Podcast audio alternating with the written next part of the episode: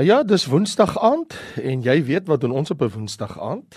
Ek is Raymond Lombard en ek gesels met jou oor ons reis deur die evangelie van Johannes. En weet dat ons reis bring ons nou by Johannes hoofstuk 4 vanaf vers 43. En na die 2 dae het hy daarvandaan, dis nou Jesus, weggegaan en na Galilea vertrek. Want Jesus self het getuig dat 'n profeet in sy eie vaderland geen eer ontvang nie. Toe hy dan in Galilea kom, het die Galileërs hom ontvang, omdat hulle alles gesien het wat in Jerusalem op die fees gedoen het, want hulle het ook na die fees opgegaan. Jesus het dan weer gekom te Kana in Galilea, waar hy die water wyn gemaak het. En daar was 'n sekere koninklike beampte wie se seun in Kapernaum siek was. Toe hy hoor dat Jesus uit Judea in Galilea gekom het, gaan hy na hom en vra hom om af te kom en sy seun gesond te maak, want hy het op sterwe gelê. Jesus sê toe vir hom: "As julle nie tekens en wonders sien nie, sal julle nooit glo nie." Die koninklike beampte sê vir hom: "Here, kom af voordat my kind sterwe." Jesus antwoord hom: "Gaan, jou seun lewe." En die man het die woord geglo wat Jesus vir hom gesê het en hy het gegaan. En toe hy al op die pad was buite na die huis, kom sy diensknegte hom tegemoet en bring die berig en sê: "U kind lewe." Hy verneem toe van hulle die uur waarop hy beter geword het. En hulle sê vir hom: "Gister, die 7de uur, het die koors hom verlaat." Die vader merk toe dat dit daardie uur was waarop Jesus vir hom gesê het: "Jou seun lewe." En hy het self geglo in sy hele huis. Hierdie tweede teken weer het Jesus gedoen toe hy uit Judea in Galilea gekom het. Wat ons hier sien in hierdie gelesende gedeelte is groeiende geloof. Geloof wat groei. Hierdie is dan die tweede wonderwerk en ons weet dat daar sewe wonderwerke is in die boek Johannes en hierdie is die tweede wonderwerk en hy praat met ons oor geloof wat groei. Kom wat ek vir jou so sê. Hierdie vader was desperaat en daar's baie dinge wat geld nie kan koop nie. Kom ek vir jou sê, geld kan vir ons 'n koningsgrootte bed koop, king size bed. Maar geld kan nie slaap koop nie. Jy sien, geld kan vir ons 'n groot huis koop, maar nie 'n tuiste nie. Geld kan vir ons 'n metgesel koop, maar nie 'n nabye vriend nie. Ja, Geld kan selfs vir ons 'n kerkgebou koop, maar geld koop nie ingang tot die hemel nie. En soos ons in die skrifgedeelte gesien het, geld kan nie gesondheid en die lewe vir iemand koop nie. Want jy sien geld en weelde kan nie die lewe van 'n geliefde kind koop nie. Let op vers 46. Jesus het dan weer gekom te Kana in Galilea waar hy die water wyn gemaak het en daar was 'n sekere koninklike beampte wie se seun in Kapernaum siek was. Hierdie koninklike beampte is hartgebroke. Sy kind is dodelik siek, siek tot die uiterste toe. Min was hierdie man, hierdie pa of kan ek sê vader van hierdie baie siek seun dat soms kom van God se mooiste seëninge na ons geklee in die donkerste worstelinge van trauma en smart in lyding. Want jy sien hierdie koninklike beampte se hart as dit nie diep geroer was deur die uiterste siek bed siek tot die dood van sy seun nie sou hy nooit die helende krag van Jesus Christus deur die geloof ervaar en beleef dit nie. Want hoe hard dit ook al mag wees, maar laat my dit nou maar eenmal sê. Geseend is die hartseer wat ons dring om gelowig en bidtend na die seun van God, na Jesus Christus toe te gaan. As ek na hierdie gedeelte kyk van die tweede wonderwerk, sien ek 'n baie ernstige versoek waar die Vader in vers 47 ons lees toe hy hoor dat Jesus uit Judea, daar van Jerusalem se kant af, teruggekom het na Galilea toe, gaan hy na Jesus. Hy haas hom om by Jesus te kom. En toe by hom kom, toe vra hy hom om af te kom en sy seun gesond te maak want hy het op sterwe gelê. Dis nou sy seun. Jy sien van Kapernaum na Kana, want hy het van Kapernaum na Kana gekom waar Jesus op daai oomblik was. In Galilea het jy baie dorpe, jy het Kana, jy het Nasaret, jy het Kapernaum, Betsaida, Chorazin, jy het al daai dorpe in die noorde van Galilea. Maar wat ons hier sien is die man, hy het gebly in Kapernaum wat by die see was en het al die pad getrek in 'n westelike rigting na Kana toe. Nou, dis ongeveer 30 km in distansie. En hierdie beampte, hy het dit so vinnig as moontlik afgelê daai 30 km om by Jesus te kom. En hierdie koninklike beampte, hy kom self na Jesus toe. Hy stuur nie 'n dienskneg nie en hy stuur ook nie sy vrou nie. Hy versoek Jesus en hy rig 'n versoek aan Christus om na Kapernaum te kom en sy ernstige siek seun te kom gesond maak want my kind lê op sterwe hy het geloof gehad in Jesus se persoonlike teenwoordigheid. En net hier besluit Jesus om hierdie man te leer dat Jesus se woord is so goed as hy self want sy woord het dieselfde karakter as hy self. Staan daar dan nie in Johannes 6 vers 63 die gees sê Jesus maak lewend hy sê dit is die gees wat lewend maak die vlees is van geen nut nie. Die woorde wat ek tot julle spreek is gees en is lewe. En Simon Petrus antwoord hom Here na wie toe sal ons gaan? U die woorde van die ewige lewe. Ons het geglo en ons erken dat u die Christus die seun van die lewende God is. So Jesus se woorde, sy woorde wat hy spreek is gees en is lewe. En ander woorde, hy hoef nie self daar te wees nie. Hy kan net 'n woord spreek en die persoon kan gesond word. En Jesus sê vir hom want hy toe hy dit hoor, toe dring hy aan by Jesus dat hy moet kom want sy seun lê op sterwe. En Jesus sê vir hom as jy hulle tekens en wonders nie sien nie, sal jy nooit glo nie. Dit daar is 'n sagte berisping in Jesus se stemtoon. Ek bedoel vir my en jou mag Jesus se antwoord baie koud en onsimpatiek klink. Vir sommige mag dit selfs lyk, maar hierdie man stort sy hart uit voor die Here en nou lyk dit of hy kry 'n glas koue water in die gesig. Maar let op die woorde. Jesus sê as julle daai as julle Jesus verwys nie net na die man alleen nie, maar hy verwys na almal wat na hom op daai oomblik staan en luister. Almal wie die man ook verteenwoordig in die wêreld. Inderdaad impliseer Jesus, is jy bereid om my te glo sonder om tekens en wonders te sien wat ek doen? Wat Jesus nou eintlik sê is, jy is bereid om te glo dat ek die Messias is as ek na Kapernaum gaan en jou siek seun gesond maak wat op die punt is om te sterf. Right? Jy sien 'n lam geloof soek altyd na krukke van tekens en wonders en tot vandag toe is dit nog so. Mense sê as ek kan sien, sal ek glo. Dis baie mense se uitgangspunt. Maar nou kry ons by Jesus 'n baie besliste belofte. Want die koninklike beampte se antwoord toe Jesus hom sê maar as julle nie tekens en wonders sien sal julle nie glo nie. Sy antwoord is like: Here, kom af voordat my kind sterwe. En Jesus antwoord hom: Gaan, jou seun lewe. En die man het die woord geglo wat Jesus vir hom gesê het en hy het gegaan.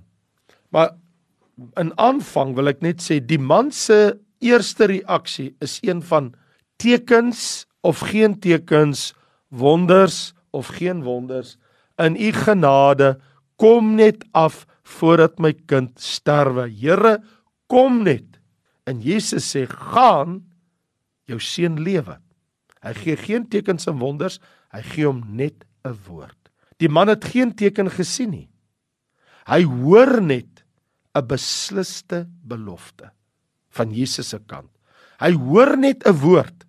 Jesus deur sy woord aan die vader van hierdie kind te gee, gee hom die brood van die lewe vir die man en vir sy seun. Want jy sien, die mens sal nie van brood alleen lewe, staan daar geskrywe, maar van elke woord wat deur die mond van God uitgaan.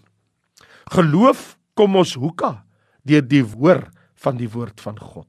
En Jesus gee 'n woord van gesondmaking, maar hy weier om persoonlik na Kapernaum af te gaan. Ons lees in vers 50. Jesus sê vir hom: "Gaan, jou seun lewe."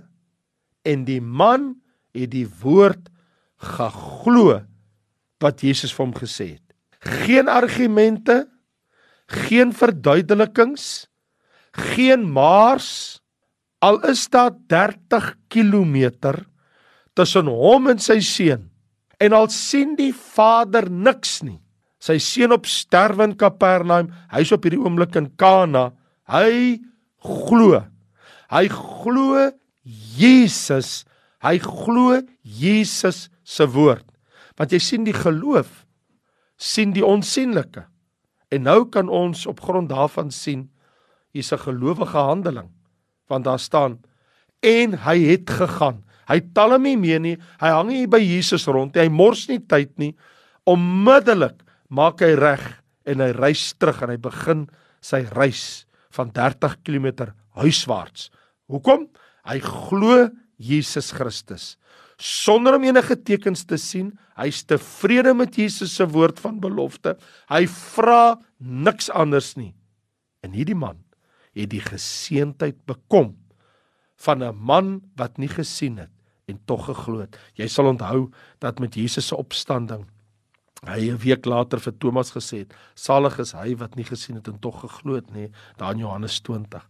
Nou, sulke geloof soos wat hierdie man nou openbaar, hierdie man van Kapernaum, hierdie koninklike beampte, sulke geloof kroon die Here Jesus Christus met eer en heerlikheid. Neem hom op sy woord. Jesus se woorde is dan nou hoeka gees en lewe. Met of sonder sy persoonlike fisiese teenwoordigheid.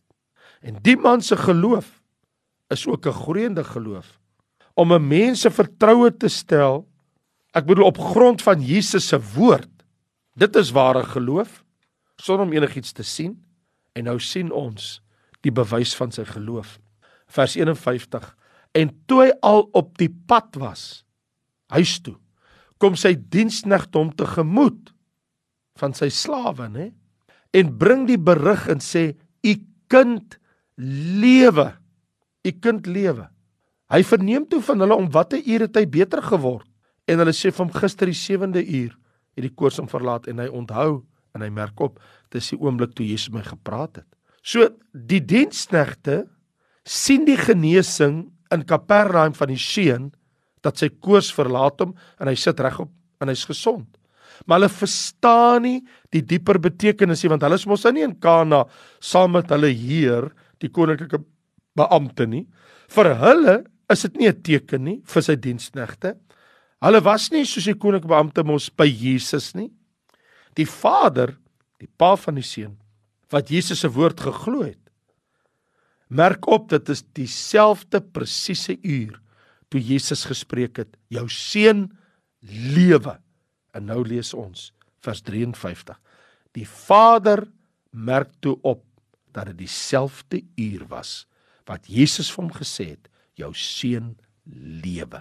En hy het self geglo en sy hele huis. Wow. Sy geloof in Jesus die Messias is nou 'n groeiende geloof. Hy sien nie net sy seun is volkome gesond nie, maar hy sien deur geloof Jesus is die Messias. Hy het geglo en sy hele huis dierbares vriende, luister na my. Elkeen van ons het geleentheid om te groei in ons geloof wanneer ons onsself in die moeilikste omstandighede bevind. Totdat ons geloof 'n gloeiende geloof is, nie net groeiende, maar ook 'n gloeiende geloof is in die seun van God, ons Here Jesus Christus die Messias, sodat ook ek en jy kom tot dieselfde geloof as hierdie koninklike beampte, totdat ook oor ons die woord waar is. Salig is die wat gesien het en tog geglo het. Van ons mag ons vandag bevind in dieselfde posisie as hierdie vader en die siek kind. 'n Gevoel van desperaatheid, hopeloosheid, donkerte wat toesak. As dit ons ervaring is, is ons op die wel die plek op die punt van 'n ingryping deur God waar ons sy seën sal ervaar. As ons net in geloof na hom toe gaan, die een wat kan help en verligting gee. As ons maar net kan glo. Ek lees dat uh, Henry Edward Manning, hy het 'n boek geskrywe en die boek se tema was Faith in God. Maar sy lewe het ook maar 'n draai geneem en eendag baie depressief in 'n donker stryd van geloof, 'n geloofstryd wat hy in bevind het. Toe besluit Manning hy gaan nou sy boek soek in 'n winkel in 'n boekwinkel want hy wil weer sy boek wat hy geskryf het lees. Hy het nie eie kopie meer gehad nie. En so die man wat werk daar in die winkel, die vloerwerker wat daar rondstap tussen die rakke. Hy begin toe die boek soek want Manning sê toe vir hom ek soek 'n boek Faith in God. Nou loop die man onder al die boeke waar die die die die vanne van die skrywers is en hy kom by Manning, Manning, Manning en hy loop en hy kyk. Nou sê hy so hardop. Nou loop Hen, Henry loop al agter hom aan. Nou loop die man en hy kyk en hy kyk en hy kyk en hy sê Manning, Manning, Manning, Manning. Manning's faith in God is all gone. Jy sien? Wat 'n skok vir hierdie man. Hy gaan soek sy boek Faith in God en die boek is uitverkoop en die man sê Manning's Faith in God, die boek Faith in God is all gone. Ja, ons mag nou glimlag oor die uh oor die oor die woordspeling, maar hier is die ding. Dit het hom tot besinning gebring. Where am I with God in my life? En ek wil ook nou vir jou sê, ek en jy moet ons oë op die Here Jesus vestig. Al is hy nie persoonlik teenwoordig soos wat daardie dag gebeur het met die koninklike beampte. Een ding verseker kan ek en jy weet, as ons net 'n woord van die Here het. Nou hier het ons die Bybel. Dit is sy logos, so ek en jy kan in die Bybel inklim en ons kan begin die Bybel lees. En wie weet, terwyl ons ons besig hou met die woord, dat die Here nie vir ons 'n rema woord gee. In ander woorde, Iets uit hierdie Bybel word lewend en dit spreek tot jou hart in die diepste resesse van jou binnekamers van jou hart. En die Here gee vir jou woord en geloof spring in jou hart op. Ja, hierdie was die tweede wonderwerk wat Jesus gedoen het en hierdie man se geloof het gegroei. Dit het geword 'n gloeiende geloof. En Jesus dit was nie nodig dat Jesus persoonlik teenwoordig is nie. Hy kan maar net 'n woord spreek. Mag die Here oor jou lewe, oor my lewe, maar net 'n woord spreek. Dat ek en jy die woord sal hoor. Salig is hy wat nie gesien het en tog geglo het. Ja, ons het nie tekens en wonders en kragtige dade nodig nie. Ons het God se woord. Vat hom op sy woord in die naam van Jesus. Vader, ons wil U loof en prys en dank vir U heerlike goddelike wonderlike woord. Dankie Here dat ons ook soos hierdie man, hierdie koninklike beampte van Kapernaum, dat ons kan glo dat ons hierdie woord kan vat en dat ons kan sê ek vat die Here op sy woord. Dankie Here vir 'n goddelike woord. Dankie Here, al is U nie eens persoonlik teenwoordig nie, kan ek U neem op die beloftes van U woord. Staan daar dan nie in 2 Korintiërs 1 hoeveel beloftes van God daar ook al in Christus mag wees. In Hom is hulle elkeen ja en amen. U sal U hou by U woord. Dankie Here. Ek glo Here Ek glo u woord. Ek glo u vandag in Jesus naam. Amen.